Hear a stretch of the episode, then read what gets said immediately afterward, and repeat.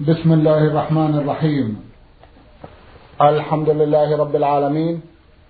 والصلاة والسلام على نبينا وسيدنا محمد وعلى آله وصحبه وسلم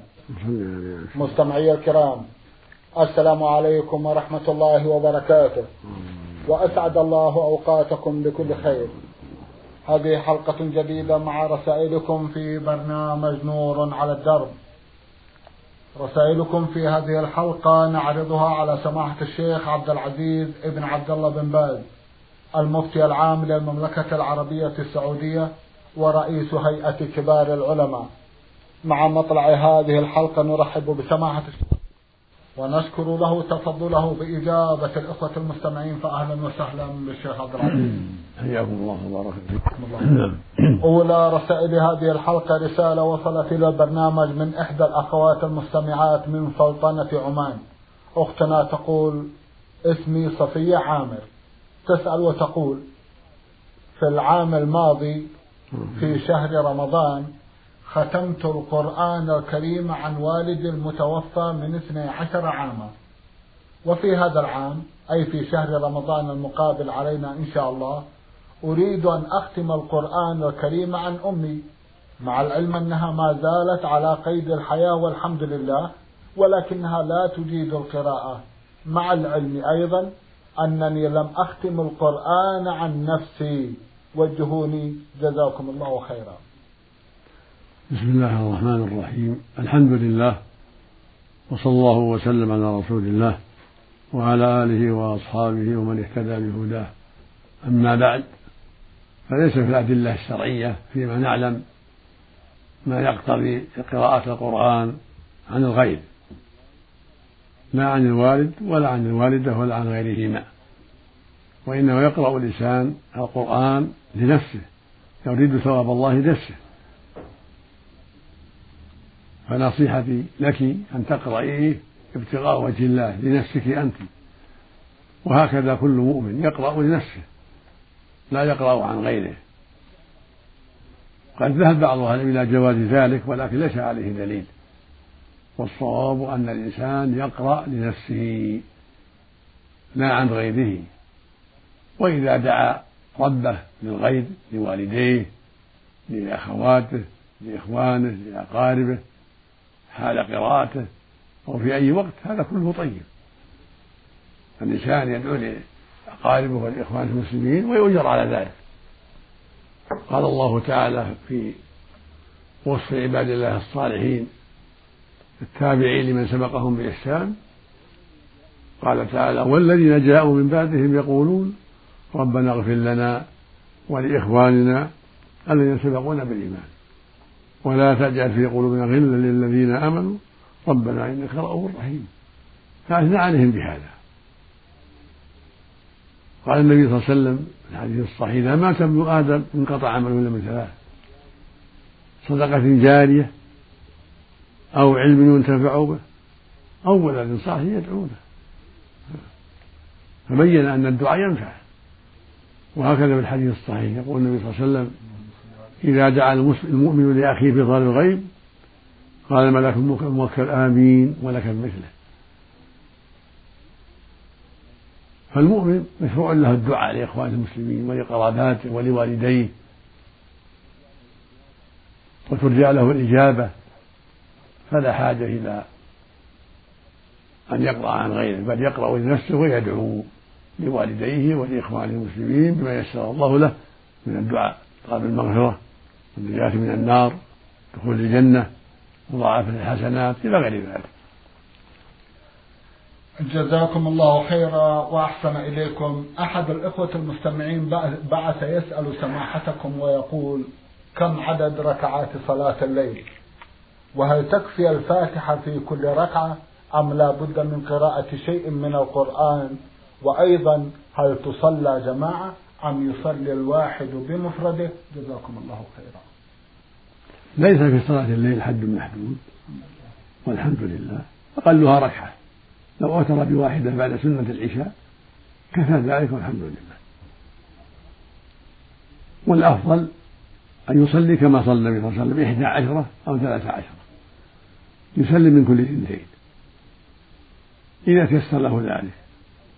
فإن لم يتيسر أوتر بثلاث أو بخمس أو بأكثر من ذلك يسلم بكل اثنتين هذا هو الأفضل وإن صلى وحده أو صلى جماعة مع أهل بيته كله حسن ولا حرج في ذلك والحمد لله نعم جزاكم الله خيرا وأحسن إليكم يقول أمي تذهب إلى المقابر مع جمع من النساء وهذا في كل عام ويذهبون بالأكل والأطعمة وما أشبه ذلك وقد غضبت من هذا العمل ونصحتها ولكنها لم تنتهي بماذا توجهونني جزاكم الله خيرا نوصيك بالاستمرار في النصيحة وطلب النصيحة من أهل العلم عندكم حتى ينصحوه حتى ينصحوا أمك ومن معها لأن الرسول صلى الله عليه وسلم لعن زائرة القبور فلا يجوز للنساء زيارة القبور لا في السنة ولا في أقل من السنة الرسول لعن زائرات القبور فأنت تنصحهن وتقول ليس لهن الزيارة للقبور ولكن يشرع لهن الدعاء للأموات في بيوتهن وفي كل مكان الدعاء طيب أما زيارة القبور للنساء فهذه منهي عنها والرسول لعن زائرات القبور فأنت تستمر في النصيحة وتطلب من إخوانك أو جيرانك الطيبين أو بعض أهل العلم الذي الذين عندكم أن ينصحوهن وأن يبينوا لهن أن ذلك لا يجوز ولا مانع أن تقرأ عليهن بعض الكتب التي فيها بيان ذلك بيان منع الزيارة للنساء وعندكم كتابي التحقيق والإيضاح لو قرأت عليهن ما ذكرته فيه لعلهن يستجبن عليه ذلك وكذلك ما يذاع في إذاعة القرآن في هذا البرنامج إذا أسمعتهن إياه لعل الله يهديهن بذلك نعم اللهم آمين جزاكم الله خيرا وأحسن إليكم إحدى الأخوات المستمعات من المملكة الأردنية الهاشمية رمزت إلى اسمها بالحروف فامين تقول في أحد الأعوام أدينا فريضة الحج أنا وزوجي وفي يوم عرفة ذهبنا من عرفات إلى المزدلفة وصلينا العشاء فيها وجمعنا منها الحصى ولكننا لم ننم تلك الليلة في مزدلفة وعدنا بالباص إلى مكة الرجاء إفادتنا أفادكم الله عن صحة حجنا وماذا نفعل هل علينا من فدية أم لا علما بأن زوجي متوفى وما حكم صحة الحج الذي أديناه إذا كان الواقع ما ذكرت ما ذكرت فالحج صحيح والحمد لله الحج صحيح لكن إن كان انصرافكم من مزدلفة قبل نصف الليل فعليك دم وعلى زوجك دم من رحم مكة الفقراء والحج صحيح أما إن كان الانصراف من مزدلفة بعد نصف الليل في النصف الأخير من الليل فلا شيء عليكما والحمد لله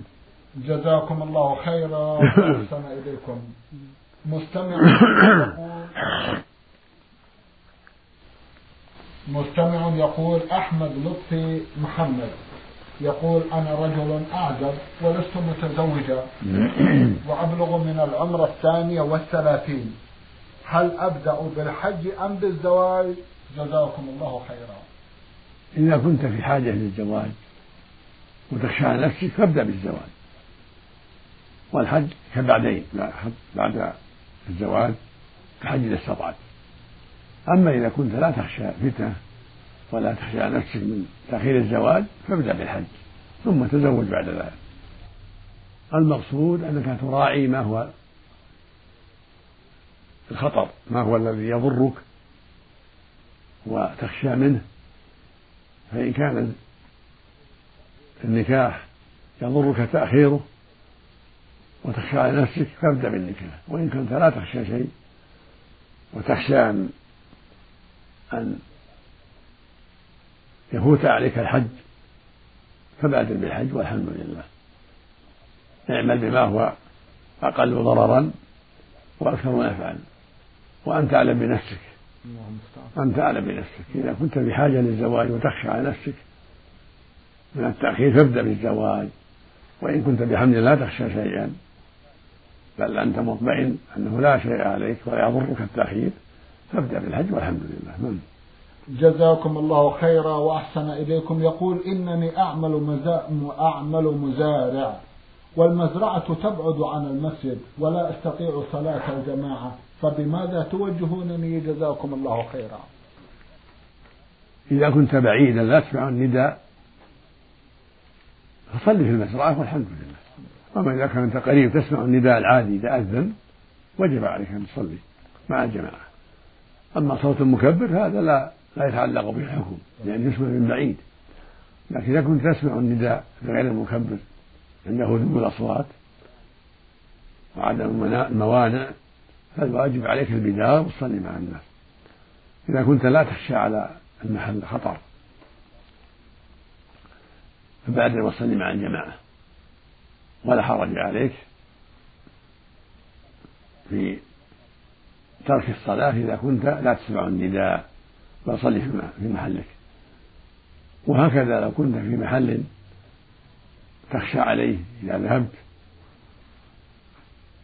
فإنك تصلي فيه تصلي فيه حفاظا له وحذرا من الخطر إذا لم يكن فيه من يصونه أما إذا كنت تستطيع إغلاق الأبواب أو وجود من يحرسه المقصود إذا كان لا خطر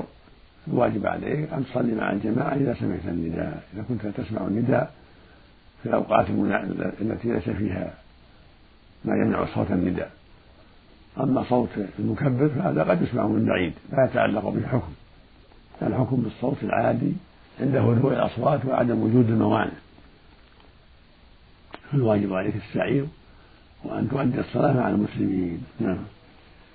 جزاكم الله خيرا وأحسن إليكم مستمع يقول المرسل محمد عين شين يقول هل يجب على المصلي أن يمنع مرور الطفل من بين يديه في الصلاة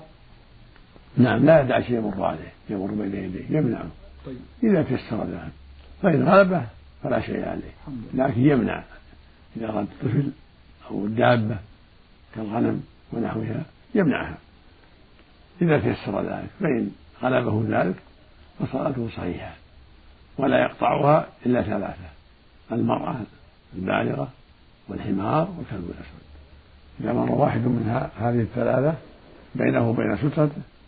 أو قريبا منه في حدود ثلاثة أذرع فأقل فقطع عليه صلاته أما إن كان بعيدا منه فوق ثلاثة أذرع أو كان وراء السترة فإنه لا يقطع عليه الصلاة أما غير الثلاثة فإنه يمنع لكن لا يقطع الصلاة مرور البعير أو الشاة أو الطفل أو الكلب غير الأسود لو مر لا يقطع لكن إذا أمكنه يمنعه يدفعه فإنه يمنعه لقول النبي صلى الله عليه وسلم إذا صلى أحدكم إذا شيء يسره من الناس فأراد أن يجتاز بين يديه فليدفعه فإن أبى فليقاتله فإنه شيطان هذا عام أمر فيه النبي صلى الله عليه وسلم بدفع المار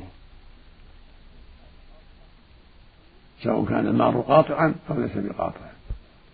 السنة والمشروع أن يدفعه يمنعه من المرور التي أحسن فإن غلبه صلاته صحيحة إلا إذا كان المار كلبا أسود أو حمارا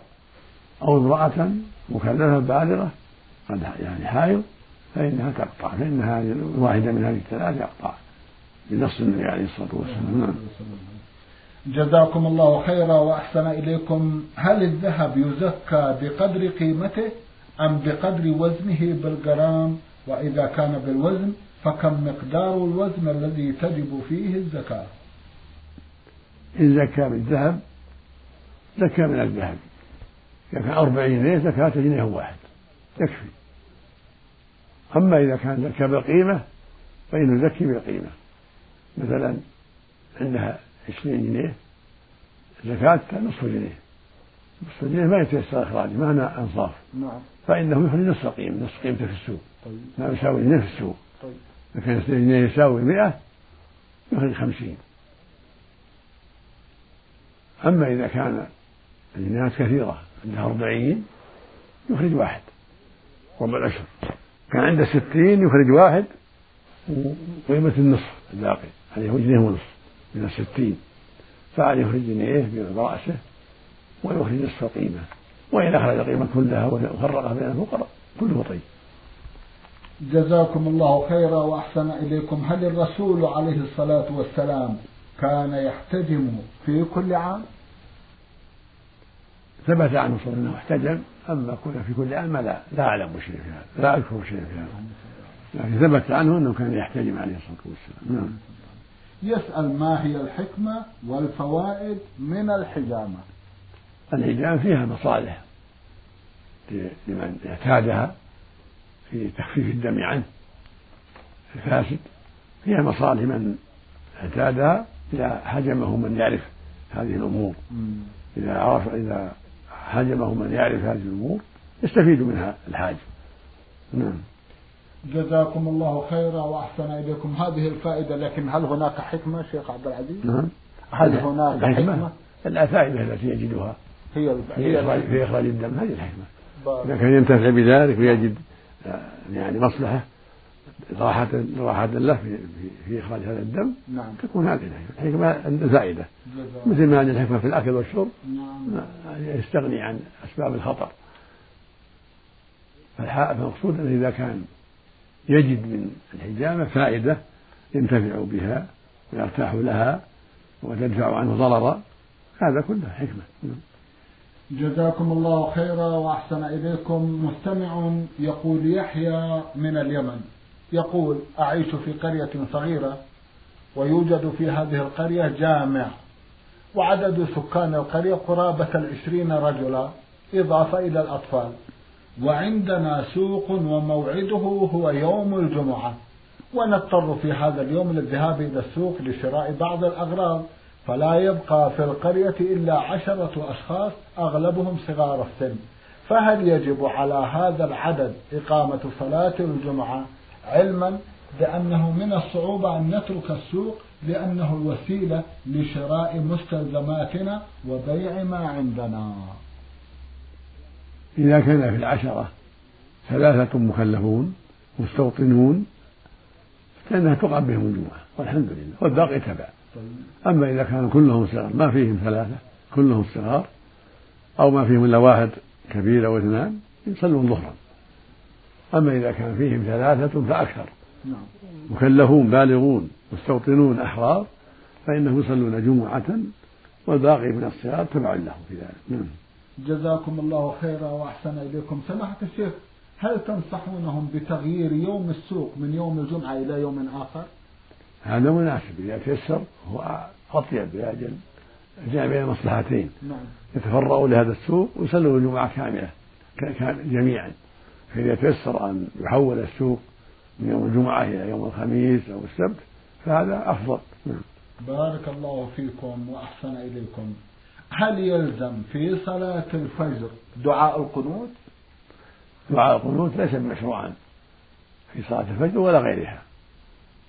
إنما مشروع في الوتر فقط طيب. وهو ما يصلي الإنسان في الليل واحدة أو أكثر بعد صلاة العشاء أو في آخر الليل يقنط في الركعة الأخيرة إلا في النوازل إذا نزلوا في النازلة عدو فإن الإمام والمسلمين يقنطون في الفجر وفي غير الفجر بعد بعد الركعة الأخيرة بعد الركوع الأخير في الفجر والظهر والعصر والمغرب والعشاء فعله النبي صلى الله عليه وسلم لكن في النوازل إذا نزل من في عدو أو بطرف من أطرافهم يقنطون يدعون الله على هذا العدو بالهزيمة ويدعون الله للمسلمين بالنصر كما فعله النبي عليه الصلاة والسلام نعم. جزاكم الله خيرا وأحسن إليكم فيما إذا كنت أقيم مع قوم لا يقنطون ثم انتقلت إقامتي مع قوم يقنطون هل أقنط معهم أو كيف تنصحون نعم إذا قنطتم فقنط معهم وبين لهم السنة إذا كنت ذا علم طيب نعم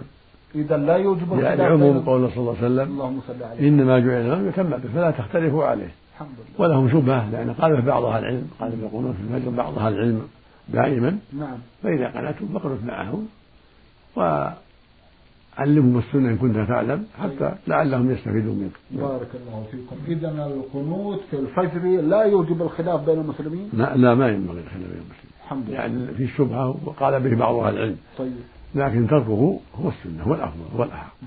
هو الراجح جزاكم الله لقول النبي لقول سعد بن طارق نعم الأشجعي رضي الله عنه نعم قلت لأبي يا أبتي إنك صليت خلف رسول الله صلى الله عليه وسلم وخلف أبي بكر وخلف عمر وخلف عثمان وخلف علي أما كانوا يقرؤون في الفجر فقال طالب أي بني وحده نعم. فدل على أنه ليس من سنتهم طيب يقولون في الفجر دائما إنما هذا عند الحاجة إذا نزل وجه نازل عدو نعم يقنت في النوازل في الفجر وفي غيرها هكذا فعل النبي صلى الله عليه وسلم اللهم صل وسلم نعم. جزاكم الله خيرا وأحسن إليكم كيف تؤدي المرأة صلاتها مع وجود رجال من غير المحارم هل تؤديها واقفة أم تؤديها واقفة مستورة وهي مستورة ولا بأس وإن تيسر مكان آخر تصلي فيه فهو أحسن وأطيب وأخشع لها وإن لم يتيسر صلت في المكان ولكن مع التستر نعم جزاكم الله خيرا وأحسن إليكم هل يجوز كشف الوجه لأخي الزوج؟ أخو الزوج ليس محرما ولا عمه ولا خاله المحرم ابنه وأبوه وجده أو محارم أما أخوه فليس به محرم لا تكشف له ولا لأخيه ولا لخاله ولا لعمه نعم، ولا لزوج أختها نعم. جزاكم الله خيرا وأحسن إليكم من أبو البراء من خميس مشيط ألف ميم غين سؤال يقول فيه الوالدة لا تعرف تقرأ ولكن من عادتها أن تفتح إذاعة القرآن الكريم وتعمل في البيت والقراء يقرؤون فتسمع ما تيسر وتعمل في شؤون البيت وهو يقرأ فهل عليها شيء حين تركت القراء القراء يقرؤون وهي تعمل ولكن لا تنتبه لانشغالها أحيانا بأمور المنزل لا حرج في ذلك وهي مشكورة نعم. ولها أجر في ذلك نعم. تسمع ما تيسر نعم هذا طيب لأن سماع القرآن كله خير الحمد لله فإذا فتحت الجاء تستمع وتعاطت بعض الأشغال جمعت بين المصلحتين ولا حرج عليها في ذلك ونسأل الله أن يفيدها نعم، وأن ينفعها بما بما عملت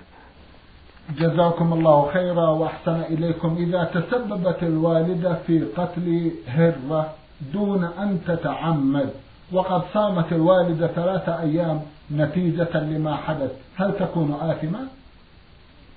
لا ليست آثمة الحمد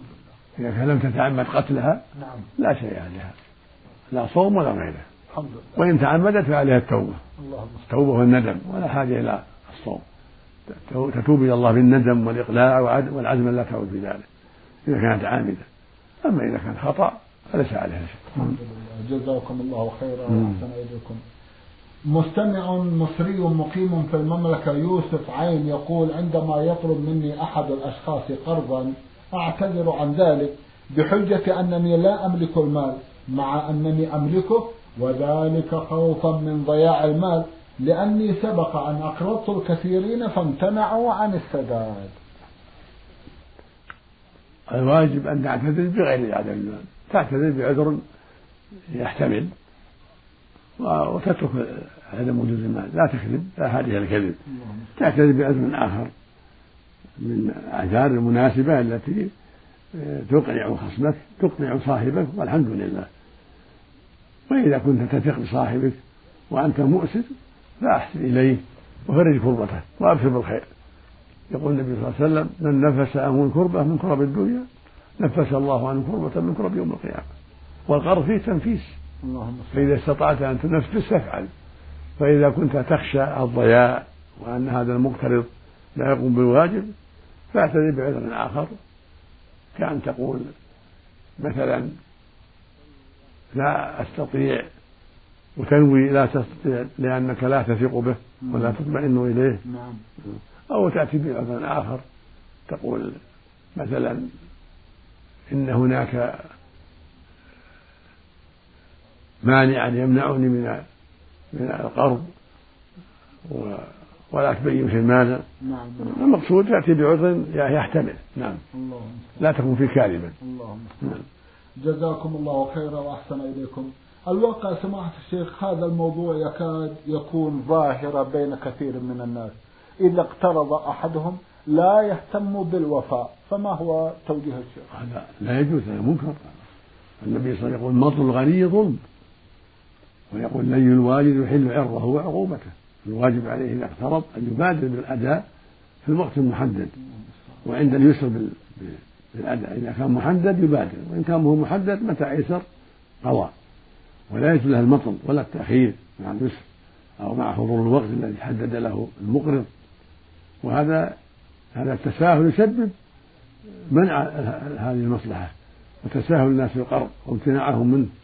بسبب فعل بعض الناس الذين لا يبالون بالقرض ولا يسددون ويماطلون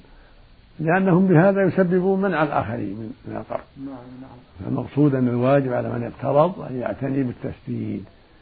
حين يقدر على التسجيل أو حين يحضر الوقت المحدد وهو قادر نعم جزاكم الله خيرا وأحسن إليكم السؤال الأخير لأخينا يقول حدثونا عن ابتلاء المسلم في الدنيا بالمرض والفقر هذا أمر أخبر النبي صلى الله عليه وسلم قال صلى الله عليه وسلم أشد الناس بلاء الأنبياء ثم الصالحون ثم الأمثل فالأمثل يبتلى المرء على قدر دينه فإن كان في دين صلابة شدد عليه في العدل في البلاء والله نبه على هذا في آيات كثيرات قال سبحانه وتعالى وبلوناهم بالحسنات والسيئات لعلهم يرجعون الحسنات النعم والسيئات المصائب لعلهم يرجعون يعني ليرجعوا إلى طاعة الله وإلى التوبة إليه وإلى النظر فيما ينفعهم إلى غير ذلك نعم، نعم. قال تعالى ونبلوكم بالشر والخير فتنة وقال تعالى ولنبلونكم بشيء من الخوف والجوع ونقص من الأموال والأنفس والثمرات وبشر الصابرين والآية في هذا معنى كثيرة بين سبحانه يبتلي عباده لحكم وأسرار والله جل وعلا يختبر عباده فمن شكر صارت العاقبة حميدة ومن كفر صارت العاقبة وخيمة ولهذا قال فتنة يعني اختبارا الحكم الشر خير فتنة يعني اختبار وامتحان فكن أنت عبدا صالحا إذا ابتليت اصبر وصابر واجتهد في طاعة الله وأد الحق الذي عليك حتى تكون بهذا الابتلاء ناجحا موفقا الله المستعان الله المستعان جزاكم الله خيرا واحسن اليكم سماحه الشيخ في ختام هذا اللقاء اتوجه لكم بالشكر الجزيل وشكر الله سبحانه وتعالى على تفضلكم بإجابة الإخوة المستمعين وآمل أن يتجدد اللقاء وأنتم على خير جزاك الله خير نرجو ذلك مستمعي الكرام كان لقاؤنا في هذه الحلقة مع سماحة الشيخ عبد العزيز بن عبد الله بن باز المفتي العام للمملكة العربية السعودية ورئيس هيئة كبار العلماء شكرا لسماحة الشيخ وأنتم يا مستمعي الكرام شكرا لحسن متابعتكم ونحن نرحب برسائلكم على عنوان البرنامج المملكة العربية السعودية الرياض الإذاعة برنامج نور على الدرب مرة أخرى شكرا لكم مستمعي الكرام وإلى الملتقى وسلام الله عليكم ورحمته وبركاته